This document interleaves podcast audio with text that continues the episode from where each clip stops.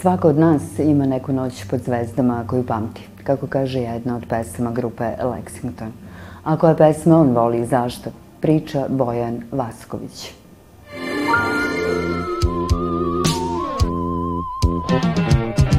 Zajedno smo rasli, grade ja i ti, isto plavo nebo poklonilo nam stil.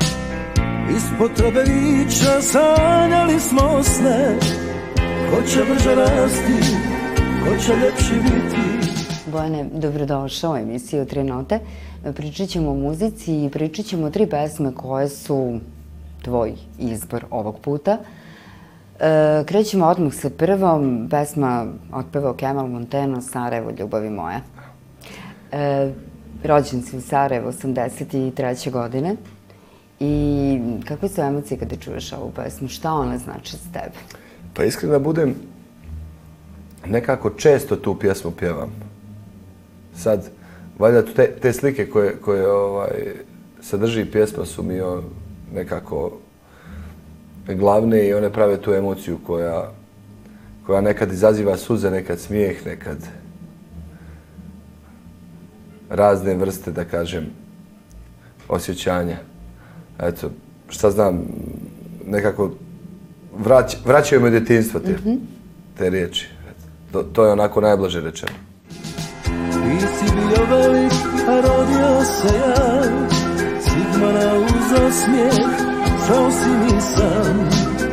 Dječak koji raste, zavolio teta, ostao je ovdje, vezan za svoj grad. E, pesma je objavljena, kako sam je našla podatak, 76. godine. E, kako si otkrivao tu muziku koja, ajde, uslovno rečeno da kažem, starija, koja je nastajala pre tvog rađenja? Pa to je, da kažem, nekih sedam eto, godina. Nisam ja znao tačan podatak kada je pjesma nastala, ali pretpostavljao sam da je tu u tom negdje periodu, otprilike nekoliko 70 godina što sam rođen. Da. A nekako je to sve valjda kod nas išlo spontano. Mene se u kući slušala onako lijepa neka muzika. Mm -hmm. Valjda su te godine kad smo mi djeca bili, po meni danas, kada vratim film, nekako vrlo zdrave godine bile. U svakom smislu. I nekako muzika te oblikuje. To se slušalo u kući, ne znam. Kemala Montena smo jako volili svi. Počeo od moje bake, pokojne, pa otac, majka, svi generalno, cijela familija. Ne samo Kemala Montena, već cijelu tu plejadu pjevača. Tad su bili indeksi i šta znam, posle Čola, Merlin, pa Crvena jabuka, jabuka, Plavi orkestar, to je sve plejada pjevača dole iz, iz mog rodnog grada i nekako sam se srodio s tim. To je nekako bilo logično. E, Bojane, sticam okolnosti 90. godina, ratnih, e, odlaziš sa porodicom iz Sarajeva, prvo Podgorica pa Beograd. E, kakve su te promjene bile za tebe? Kako si se privikavao i kako si se sa, ti sam nekako snalazio sam sa sobom u tim nekim selitbama, u tim nekim sad novim okolnostima i uslovima života? Da, nažalost. Nažalost, ratne okolnosti su srušile onako divnu zemlju. Ja i dan danas kad se vratim u taj period mislima, e, nekako su mi dobre slike u glavi i nekako gledam da sam imao srećno djetinjstvo zaista. Bez obzira što je zaista kratko trajalo, ali eto, posle je krenula neka borba, to je valjda sudbina. Negdje zapisano i Pa znate kako? E, valjda ono čovjek sve što mora, mora da, pre, da, da, da, da što, što mu se desi, mora da preživi. Mm -hmm. I onda je to, da kažem, neka bila borba. Ali i taj period te borbe, nazovi tog seljakanja i prelaska u prvo Beograd, pa Podgorica, pa opet Beograd, e, ne pamtim kao neki period e, koji je bio tužan za mene. Zapravo, naprotiv, bio je onako ispunjen ljubavlju od strane roditelja, od strane familije, porodice. I oni su se zapravo trudili, oni su najviše tu propatili u cijeloj toj priči, jer te generacije su najviše stradale. U smislu, ugašena im je mladost. One najljepše godine su im izbrisane, nisu imali su djetinstvo i onda one neke, da kažem, srednje starije dane života. Prosto je tako, ono, one najljepše godine mladosti, 20. do 30. do 40. to su na neki način propustili, nažalost, sticam okolnosti. Ali eto, zahvaljujući njima, mi smo to nekako e, mnogo lakše podnosili od njih, vjerujem. Pjesme svoje imaš i ja ih pjevam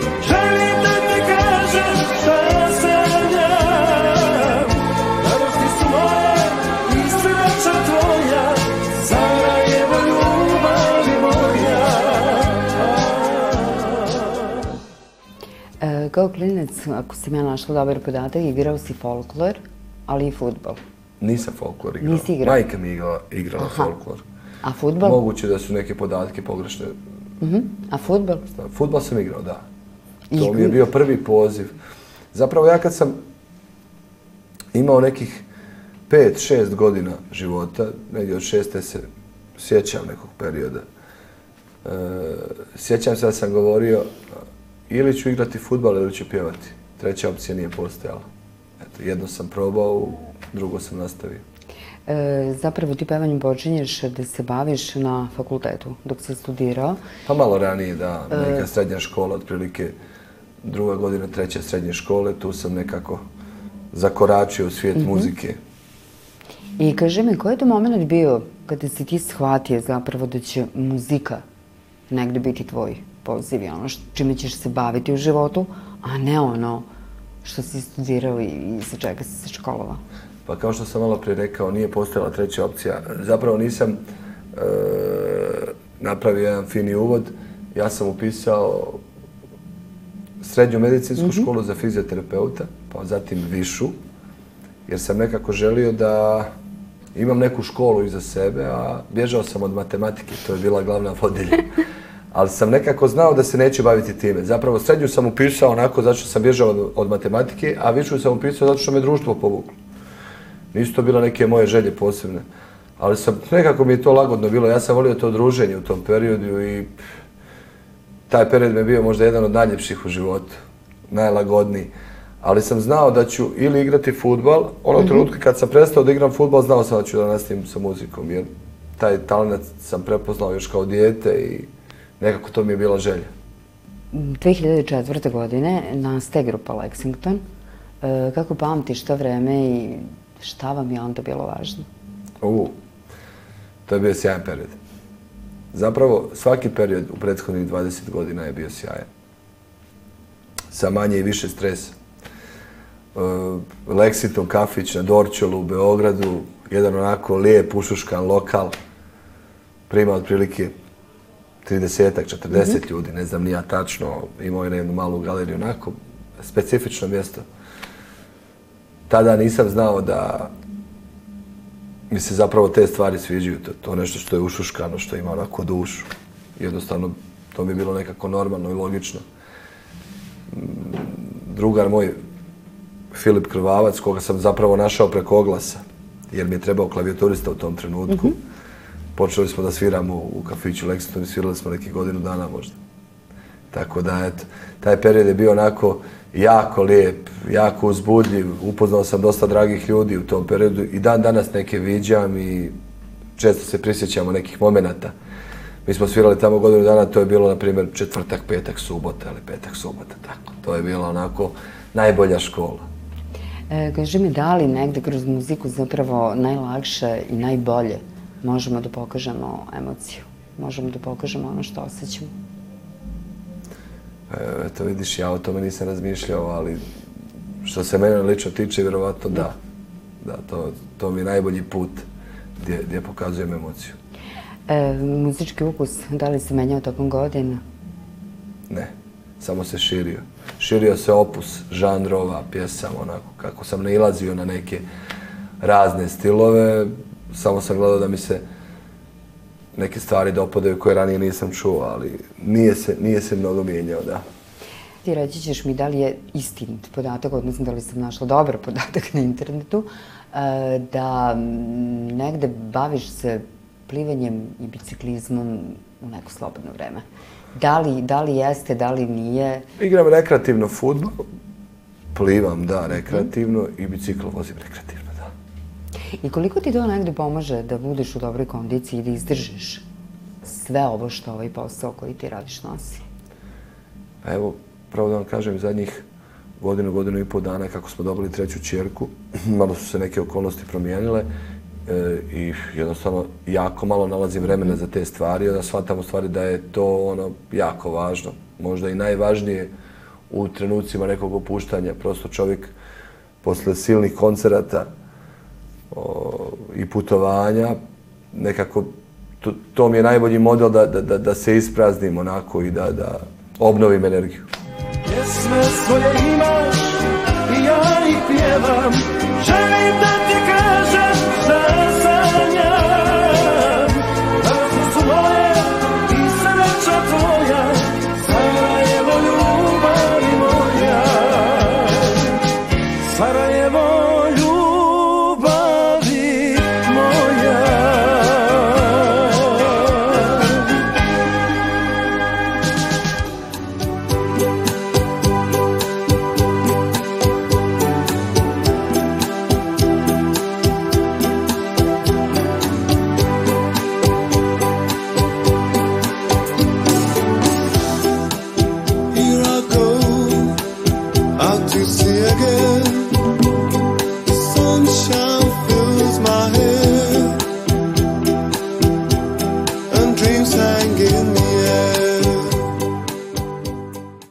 Bojana, prelazimo na drugu pesmu, Wonderful Life ili Divni život. E, zašto je ona izbor i sad kakve emocije, kakve uspomene, šta te vezuje za tu pesmu? Pa vrlo sličan odgovor kao i za prvu pjesmu. To je ta melodija neka koja, koja na prvu kupi čovjeka, i, ali i ta poruka koju šalje pjesma. Znači, život je divan. Pogotovo što smo stariji i stariji, shvatamo u stvari da je to jedna velika istina i da je to zapravo jedina stvar koja je istinita. Život je stvarno lijep i treba ga tim očima gledati. Zbog toga sam izabrao tu pjesmu. Mislim, e, ja sam sada odabrao ove tri pjesme, ali ima ih mnogo. To je bio jako težak zadatak za mene u ovom trenutku, ali eto, gledao sam to da onako iz rukava, ono što mi je palo na pamet na prvu, to sam i napisao vama u poruci. E, jedan deo ove pesme kaže potreban mi je prijatelj, potreban mi je prijatelj da me usreći. E, kakav čovjek mora da bude da bi bio tvoj prijatelj? Pa znate kako, to sam često puta rekao, e, gdje god da sam na zemaljskoj kugli, eto, sticajem okolnosti kroz ovaj posao kojim se bavim, imao sam priliku da, da obiđem mnoge zemlje, mnoge gradove i da upoznam ljude različitih kultura, nacija, vjera, boje. E, shvatio sam da zapravo gdje god da si je najvažnije to da, da imaš nekog s kim možeš da se u krajnju ruku bar našališ, da se skapiraš na bilo koji način. Ne mora to da bude nešto dubinski, ali prosto da, da s nekim se skontaš u smislu da možeš da provedeš neko vrijeme. Tako da, gdje god je čovjek na zemaljskoj kugli, mislim da je najvažnije to s kim si, negdje si. Gulls in the sky and in my blue eye. You know it feels unfair. There's magic everywhere. Autor pesme je rekao da je ona nastala zapravo u periodu kada je njemu bilo jako teško i kada su mu se neke baš ružne stvari dešavale u životu. E, kaže mi kako ti prevazilaziš neke teške momente i koliko ti muzika pomaže u tome? Muzika je moja svakodnevnica. I nekako kad nemam vremena za muziku, onako osjećam da mi, da mi organizam govori da, da to nije to zapravo. Moja svrha je bavljenje muzikom i da kažem prenošenje emocija na narod na ovaj način kao što će se desiti večeras ovim koncertom u Novom Sadu. E, shvatio sam da je to zapravo moja svrha. E, prvi koncert grupa Lexington 2015. u Da, Beogradu. da, da. E, kako pamtiš taj koncert? Da li je bilo treme, šta ti je bilo važno? Kako ga se sećaš? Ja, kad bih vam sad rekao da je to meni nekako sve bilo logično, kao da sam živio neki san. E, mnogi nisu vjerovali u tom trenutku, nekako su rekli, pa malo ste mladi za to da ste niste zaletili, čak i neki kolege su mi govorili, kaže, malo ste se zaletili. Mi smo taj koncert prodali za nekih 15 dana. E, I bio sam izuzetno srećan i za mene je to bilo potpuno tada u tom trenutku logično, jer sam osjećao u vazduhu tu energiju koju, koju ovaj, je narod emitovao na nas kad se pojavimo na nekoj bini. Mislim, imao sam priliku da uradimo test na nekim koncertima i onda sam vidio u stvari da je to to. Tada sjećam se u tom trenutku, e, mnogi su nas savjetovali, starije kolege, možda je dobro da uradite Sava centar pa napravite nekoliko koncerta. Ja sam mhm, rekao, mhm. ne, moje želje je da napravimo nešto veće. Ne mora to da bude arena, nek... ja sam tada nešto maštao u nekom otvorenom prostoru. I to se, taj stadion futbolskog kluba Voždovac na krovu jednog trenovog centra koji je u tom trenutku primao preko 20.000 ljudi.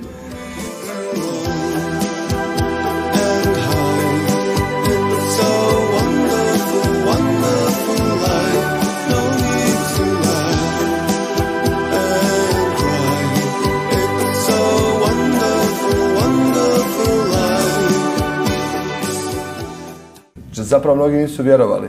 Onda mi je to davalo neku novu žišku. Baš kao što sad kaže Novak Đoković, uh, vidim kad ne navijate za mene, meni to daje još veću snagu, zato bolje navijate za mene. Vrlo jednostavno. E, pominješ publiku, taj kontakt sa publikom. Kada izađeš na binu, kada kreneš da pevaš, ti njima daješ emociju daješ deo sebe. Ali to negde dobiješ i nazad. Pa da, taj je Floyd je jako važan. Kakav je to osjećaj? Za nas koji to nikad nećemo doživjeti.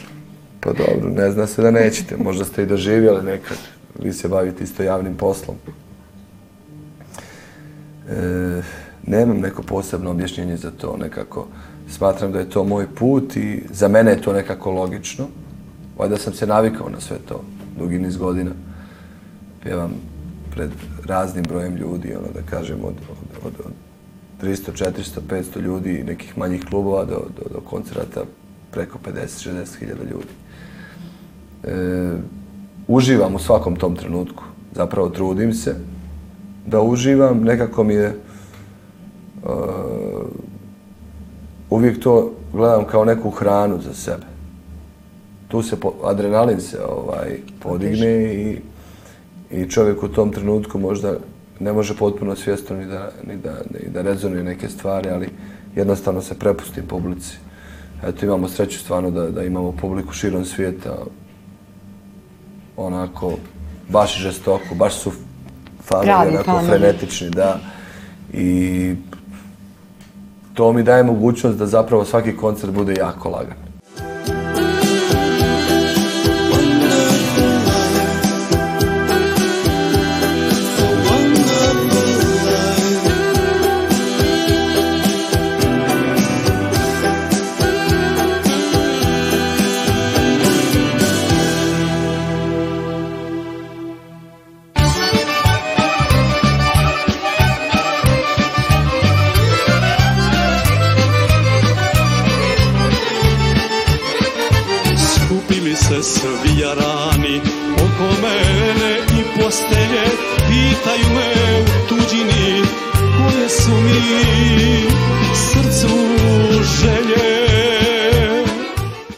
Prelazimo na treću pesmu, Most do moga zavičaja. Zašto je ona izbor, kakva emocija, opet kakve uspomene, šta ti za nju vezuje? Skupili se svi arani oko mene i postelje, pitaju me u tuđini koje su mi srce želje. Sve jasno, jedna životna slika mog života. Neću lijeka ni ljekare, zovite mi ne imare, sazidajte most bez kraja,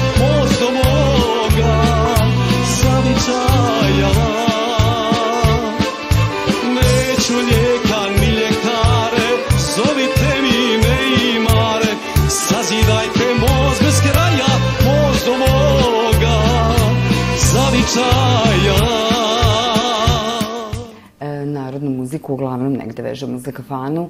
E, da li voliš da odeš u kafanu i da li, kako voliš da se prevedeš? I da li je kafana mesto gde isto vremena možemo i da se radujemo i da tugujemo? To je postala obaveza. Obaveza. Ranije to nisam gledao kao obavezu, sad smatram kao obavezu. To je isto kao što je sport u jednu ruku, kafana je u drugu ruku. Druženje i provođenje vremena u nekom divnom ambijentu, onako ušuškanom, opet finom, sa pravim ljudima. Nalazimo se u Novom Sadu, prva asocijacija kad ti neko pomene Novi Sad. Pa žao mi je što nisam došao ovdje da živim. To uvijek kažem, ovdje mi živi brat sa porodicom i često sam gost kod njega ovdje, onako, mnogo volim Novi Sad. Podsjeća me na Sarajevo.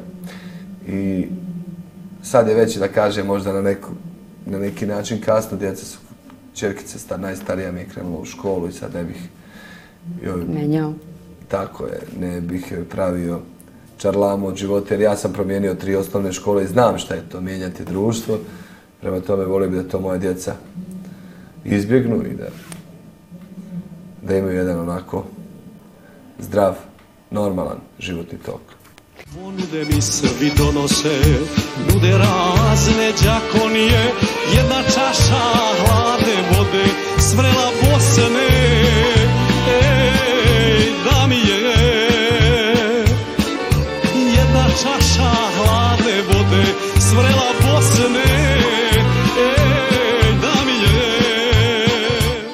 Vojvodina, Novi Sad, poznati su po tamburašima. Da li voliš tamburašku muziku? Vidite kako. Ja često sam u kafani e, imao priliku da slušam jako dobre tamburaše i posljednji put sam slušao Zvonka Bogdana sa njegovim tamburašima i zaista sam uživao. Postoje neke pjesme koje možda nisu glavne u nekom njegovom izvođenju, ali za mene su glavne. I mnogo volim, mnogo poštujem i cijenim i nekako uživam u tome na pravi način.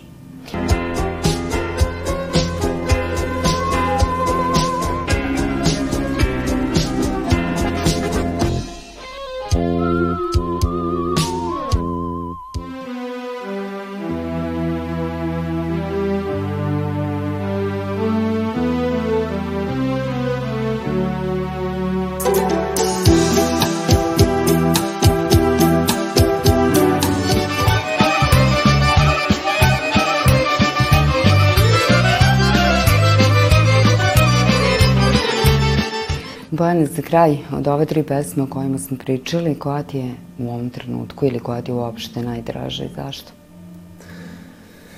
Sve su mi drage posebno, ali eto, ajde neka bude Sarajevo ljubavi moje.